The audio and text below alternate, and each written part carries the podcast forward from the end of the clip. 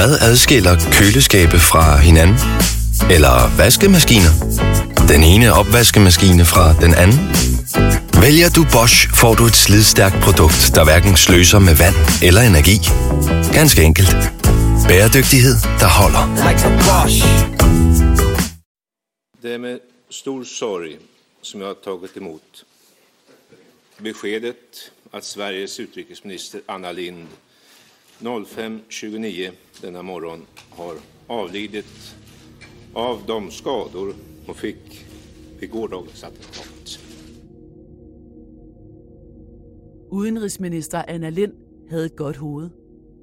Hun var uddannet jurist og mangeårig politiker i det svenske socialdemokrati.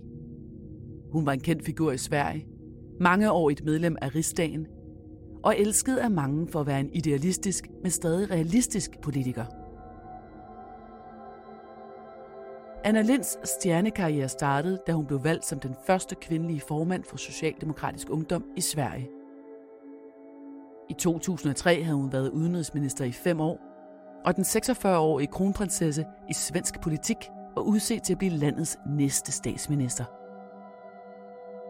Forud ventede en af hendes største politiske kampe, at få svenskerne til at stemme ja til euroen ved valget i september.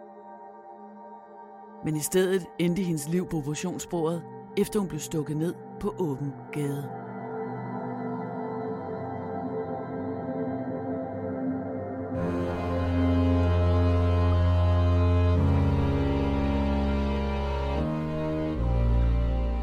Du lytter til Mor i Nord. En podcastserie om nogle af de mest opsigtsvækkende drabsager fra Norden.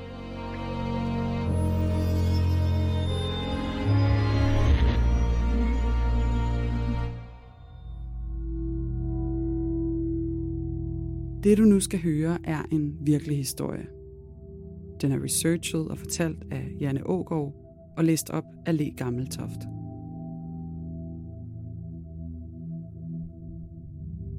Det her er en genfortælling af sagens fakta, som de har været gengivet i andre medier.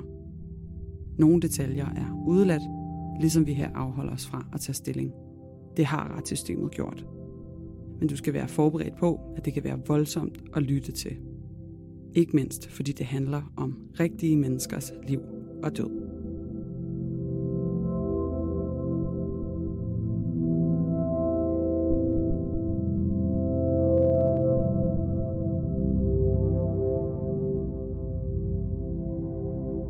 Ylva Anna Maria Lind, eller bare Anna Lind, som hun blev kaldt, havde sammen med sine kolleger ført en intensiv kampagne for at få svenskerne til at stemme ja til euroen. Politik var hele hendes liv, også selvom hun var mor til to drenge, Philip på 9 år og David på 13 år, og var gift på 16 år med sin mand Bo Holmberg. Det var ikke familien, der fik Annas opmærksomhed den sensommer. For den 14. september skulle svenskerne stemme om medlemskab af euroen. Anna var en stor fortaler for den fælles mønt og et stærkt forenet Europa.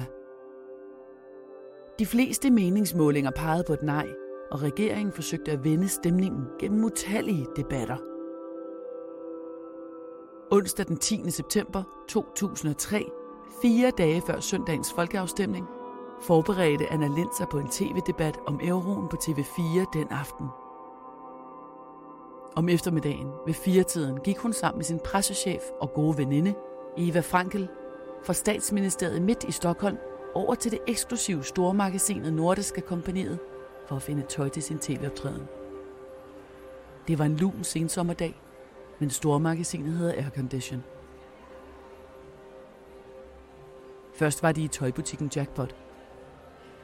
Derefter tog de to kvinder rulletrappen op til næste etage og gik mod Filippa K., selvom Anna påpegede, at hun synes, at deres tøj sad lige stramt nok.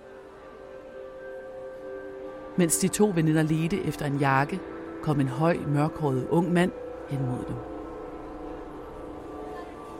Han var iført en camouflagejakke med flere lag tøj under og en kasket på hovedet. Han tog en kniv frem og stak Anna utallige gange. Både i brystet og i maven og i armen. Anna skreg i smerte og overraskelse og kollapsede på gulvet. Ekspedienten hørte manden sige noget i retning af, Tak dig selv. Eva Frankel troede først, at manden boksede med sine hænder mod Anna. Men da Anna kollapsede, gik det op for Eva, at der var en kniv i hånden på manden. Hun slog på mandens arm, indtil han opgav at stikke mere. Angrebet tog knap to minutter, og efterlod Anna døende på gulvet. Hun var ramt ni gange af stik med en skarp morakniv. Første stik var så dybt, at det skar hendes håndledsknogle over, da hun værede for stik.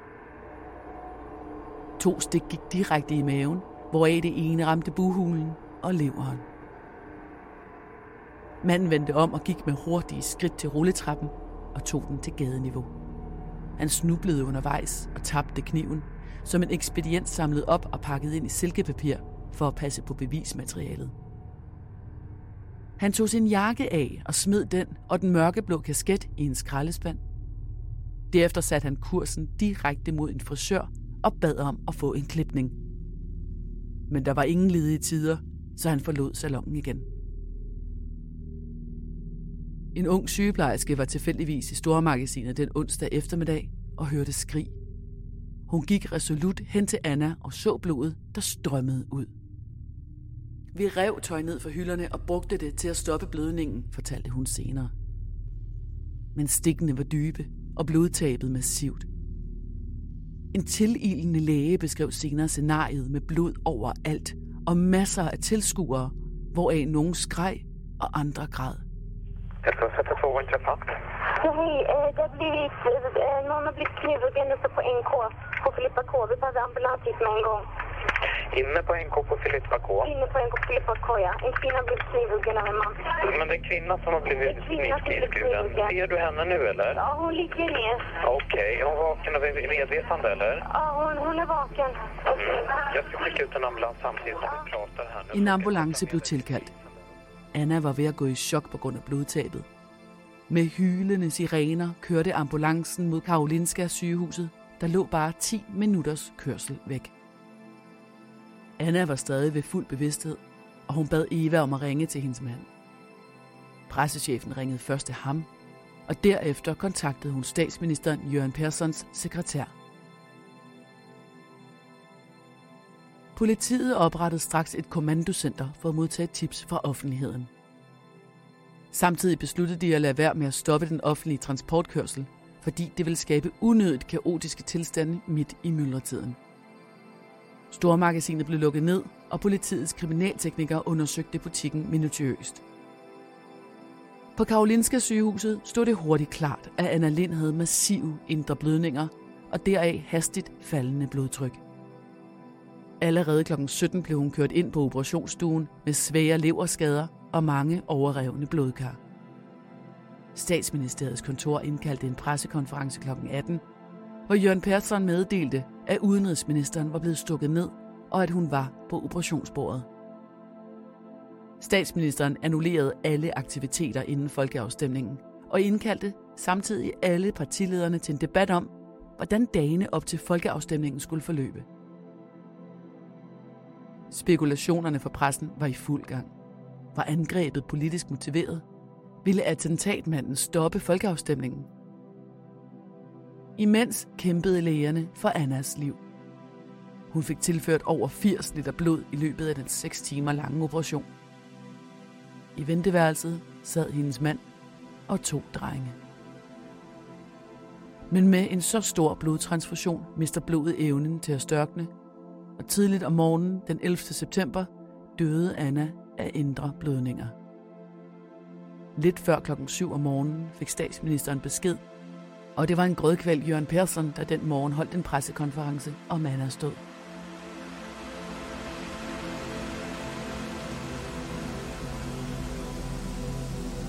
Um, I've just heard the terrible, shocking news of the death of Swedish Foreign Minister Anna Lindh. Vi skulle faktiskt ha en valdebatt här på TV4 idag, men det var en gäst som aldrig dök upp. I wanted first, on behalf of the British government, to express our condolences to her husband Bo, to her children, to her wider family and friends, and to the people of Sweden. This is an appalling uh, event, but I also wanted to say something more personal because Anna was a good friend of mine.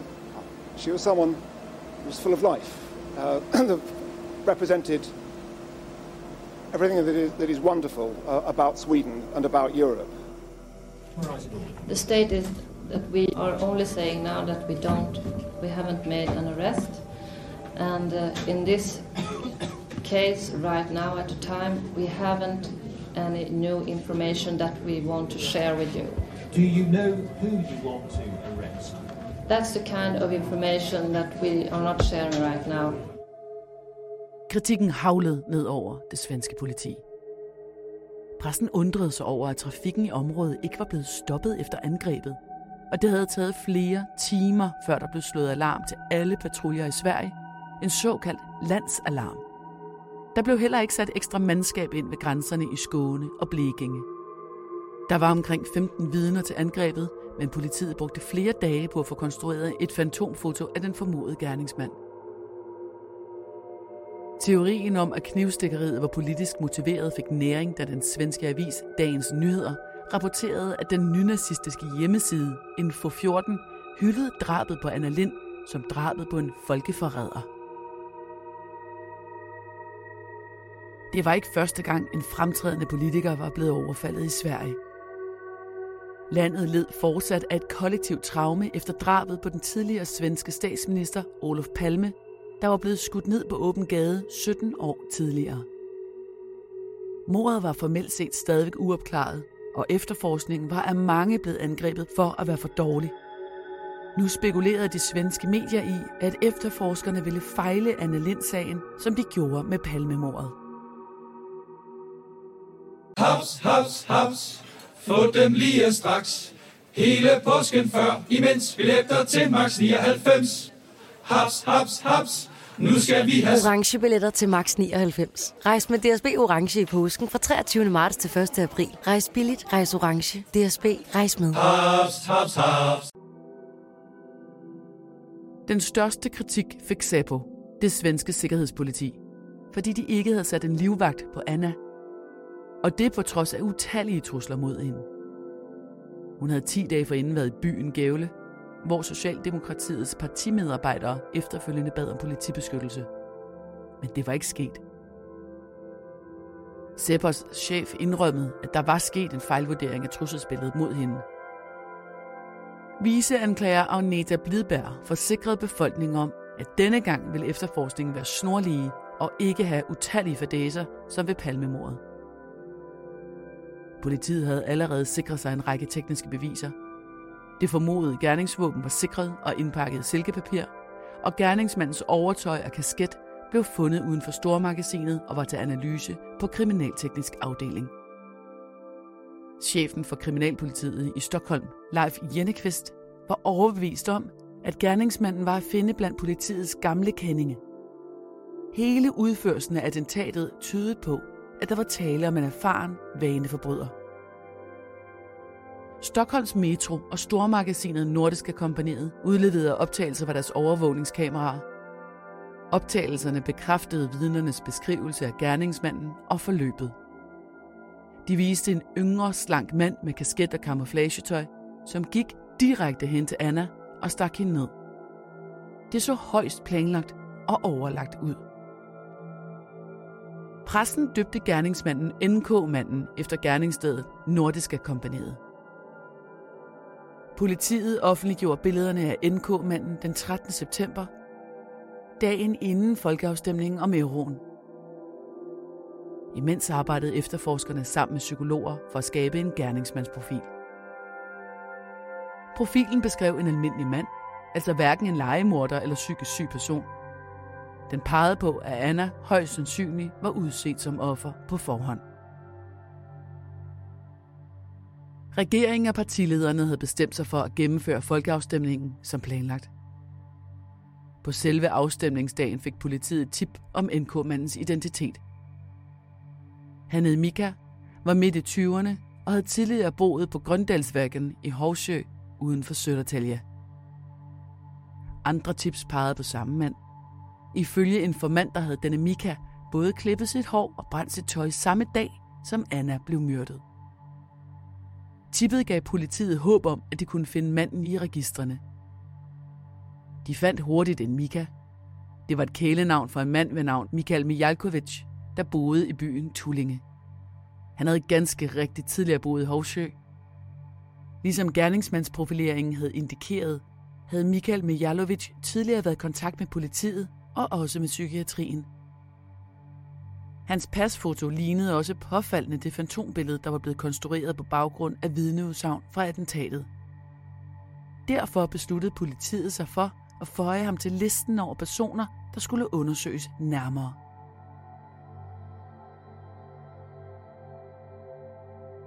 Folkeafstemningen blev afholdt den 14. september, uden at nogen var anholdt for drabet på Anna Lind. Men noget tydede på, at attentatet øgede valgdeltagelsen. For næsten 83 procent af de stemmeberettigede mødte op på valgdagen. Men som ventet var der ikke stemning for at indføre euroen i Sverige. Hele 55 procent stemte imod forslaget, og den dag i dag har Sverige stadig sin svenske krone. Imens gik efterforskningen i to retninger. For mens Michael Mijalovic blev efterforsket, modtog politiet tips om, at en anden mand kunne være den såkaldte NK-mand på overvågningsvideoen.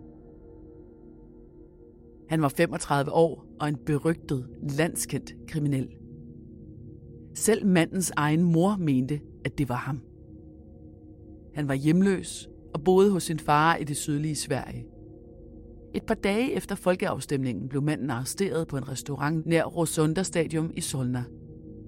Han fik taget DNA-prøver, og den 19. september blev han varetægtsfængslet af byretten i Stockholm, mistænkt for drabet på Anna Lind. Men hans DNA stemte ikke overens med de spor, drabsmanden havde efterladt på kniven eller det efterladte tøj, og derfor blev den 35-årige løsladt igen. Men medierne dækkede hans anholdelse intensivt, og manden endte med at sagsøge aviserne Expressen, Sydsvenskeren, Kvældposten og Jødeborgstidningen for injurier. Sagen blev afgjort flere år efter til avisernes fordel, og men manden slap for at betale modpartens advokatomkostninger ved at rejse sagen i højesteret.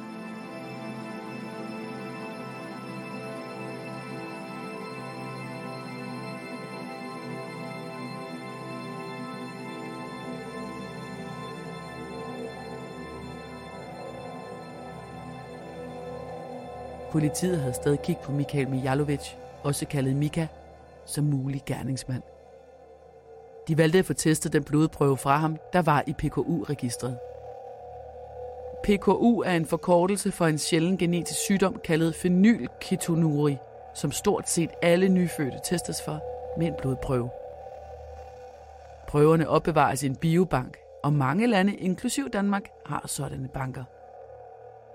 Politiet fik lavet en DNA-profil ud fra blodprøven på et særligt laboratorium i Storbritannien, og bad dem om at sammenligne det med DNA'et fra mordvåbnet. Der var et match. Den 24. september blev Mika arresteret i sit hjem i Tullinge, 14 dage efter drabet på Anna Lind. Politiets efterforskning koncentrerede sig nu om Mika og især hans fortid.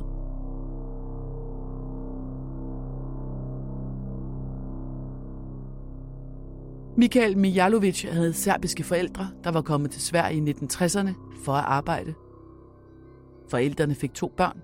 Først en pige, og to år senere kom Mika til verden. Men da han skulle til at starte i svensk folkeskole, bestemte forældrene sig i stedet for at sende ham til Serbien for at gå i skole der og bo hos bedsteforældrene. Der blev Mika i seks år, før han blev flyttet retur til Sverige. De to flytninger rev ham op med råd, og har sandsynligvis været traumatiserende for drengen. Tilbage i Stockholm stak han ud som fremmedarbejderbarn og talte dårligt svensk. På trods af flytningerne klarede Mika sig godt i skolen og i gymnasiet. Men han var sky af natur, og som årene gik, blev det tydeligt, at han var psykisk syg. Hans far var alkoholiseret, og resten af familien led under det. Allerede som 17-årig fik Mika sin første behandlingsdom efter et groft knivangreb på sin berusede far. Nogle dage før drabet på Anna Lind havde Mika forgæves bønfaldet den psykiatriske afdeling på Hudinge Hospital om at indlægge ham. I forvejen fik han antipsykotisk og beroligende medicin. Han var arbejdsløs, uden uddannelse og på bistand.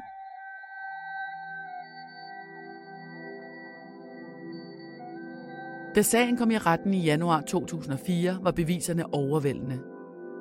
De mange DNA-match på kasketten, tøjet og kniven bandt utvetydeligt Michael Mijalovic til knivattentatet. Pressesekretæren identificerede ham i retten som gerningsmanden. Overvågningsvideoer viste, at han havde overvåget Anna i 14 minutter fra etagen ovenover, inden han slog til. Mika tilstod, at han var attentatmanden, men han nægtede sig skyldig på grund af sin mentale tilstand. Han hørte stemmer, og de havde givet ham ordre til at overfalde Anna. Anklager og forsvar var i retten ganske uenige om Michael Mijalovics mentale tilstand. Forsvaren ønskede ham idømt en behandlingsdom for vold med døden til følge, ikke for overlagt drab. Anklageren beskrev derimod drabet som planlagt og overlagt, og han ønskede en livstidsdom afsonet i et almindeligt fængsel. Hans argument var, at Mika havde kniven med hjemmefra. Han havde nøje udvalgt udenrigsministeren som sit mål.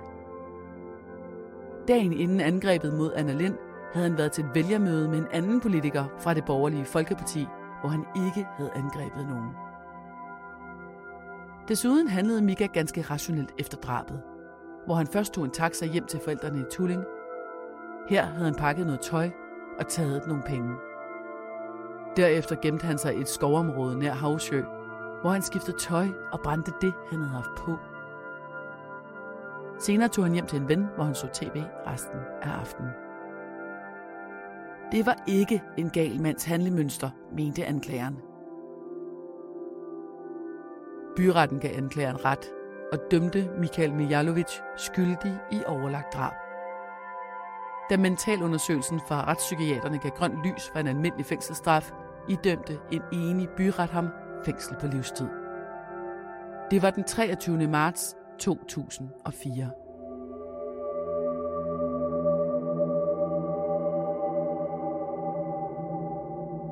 Forsvaren ankede straks dommen for den svenske appelret, der gav Mika psykiatrisk forvaring i stedet. Men så kom en ny anke fra anklageren til højesteret, der endelig stadfæstede livstidsdommen december samme år. Mika forsøgte at blive overført til et serbisk fængsel af frygt for at blive angrebet i et svensk fængsel. Men den svenske kriminalforsorg opfyldte ikke hans ønske. Han bad også om at få ophævet sit svenske statsborgerskab, og den ansøgning imødekom Udlændingsstyrelsen, så Mika i stedet blev serbisk statsborger. Han afsoner i dag sin livstidsdom på en særlig sikker afdeling i fængslet Sundsvall i Nordsverige, efter at have været midlertidigt placeret på en retsmedicinsk psykiatrisk klinik og senere på det sikreste fængsel i Nordeuropa, Kumla-anstalten. To gange har han begået overfald mod en medfange. Værst gik det ud over en 59-årig indsat, som lå og sov på en sofa i et opholdsrum. Mika slog manden i hovedet med en metalstang, og manden fik alvorlige skader. I august 2011 talte Mika med Svenske Expressen om drabet på Anna Lind. Der fortalte han, at han var ude efter at skade en politiker. Det var et tilfælde, at det var Anna Lind og hendes veninde, han havde set foran stormagasinet den dag. Jeg følte et had mod alle politikere, både svenske og serbiske. Jeg anså dem for ansvarlige for alle mine fejltagelser. Fortalte han til journalisten og fortsatte. Jeg var et menneske uden job, uden bil, uden venner, uden chancer. Det er sådan en som mig, man rekrutterer som terrorist. Michael Mijalovic har nu afsonet næsten 16 års fængsel, svarende til to tredjedele af sin straf. En livstidsdom i Sverige er maksimalt på 25 år.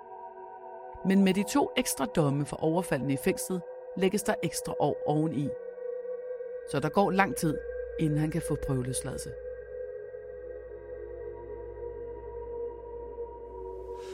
påverkar hennes minne eller hennes person politiken idag skulle du säga? Ja, vi citerar rätt ofta Anna Lind därför att hon, hon eh, hade en klokhet som var enastående och eh, just hennes jordnära syn på, på livet och politiken mitt i, mitt i all denna storpolitik i världspolitiken, det gjorde henne unik.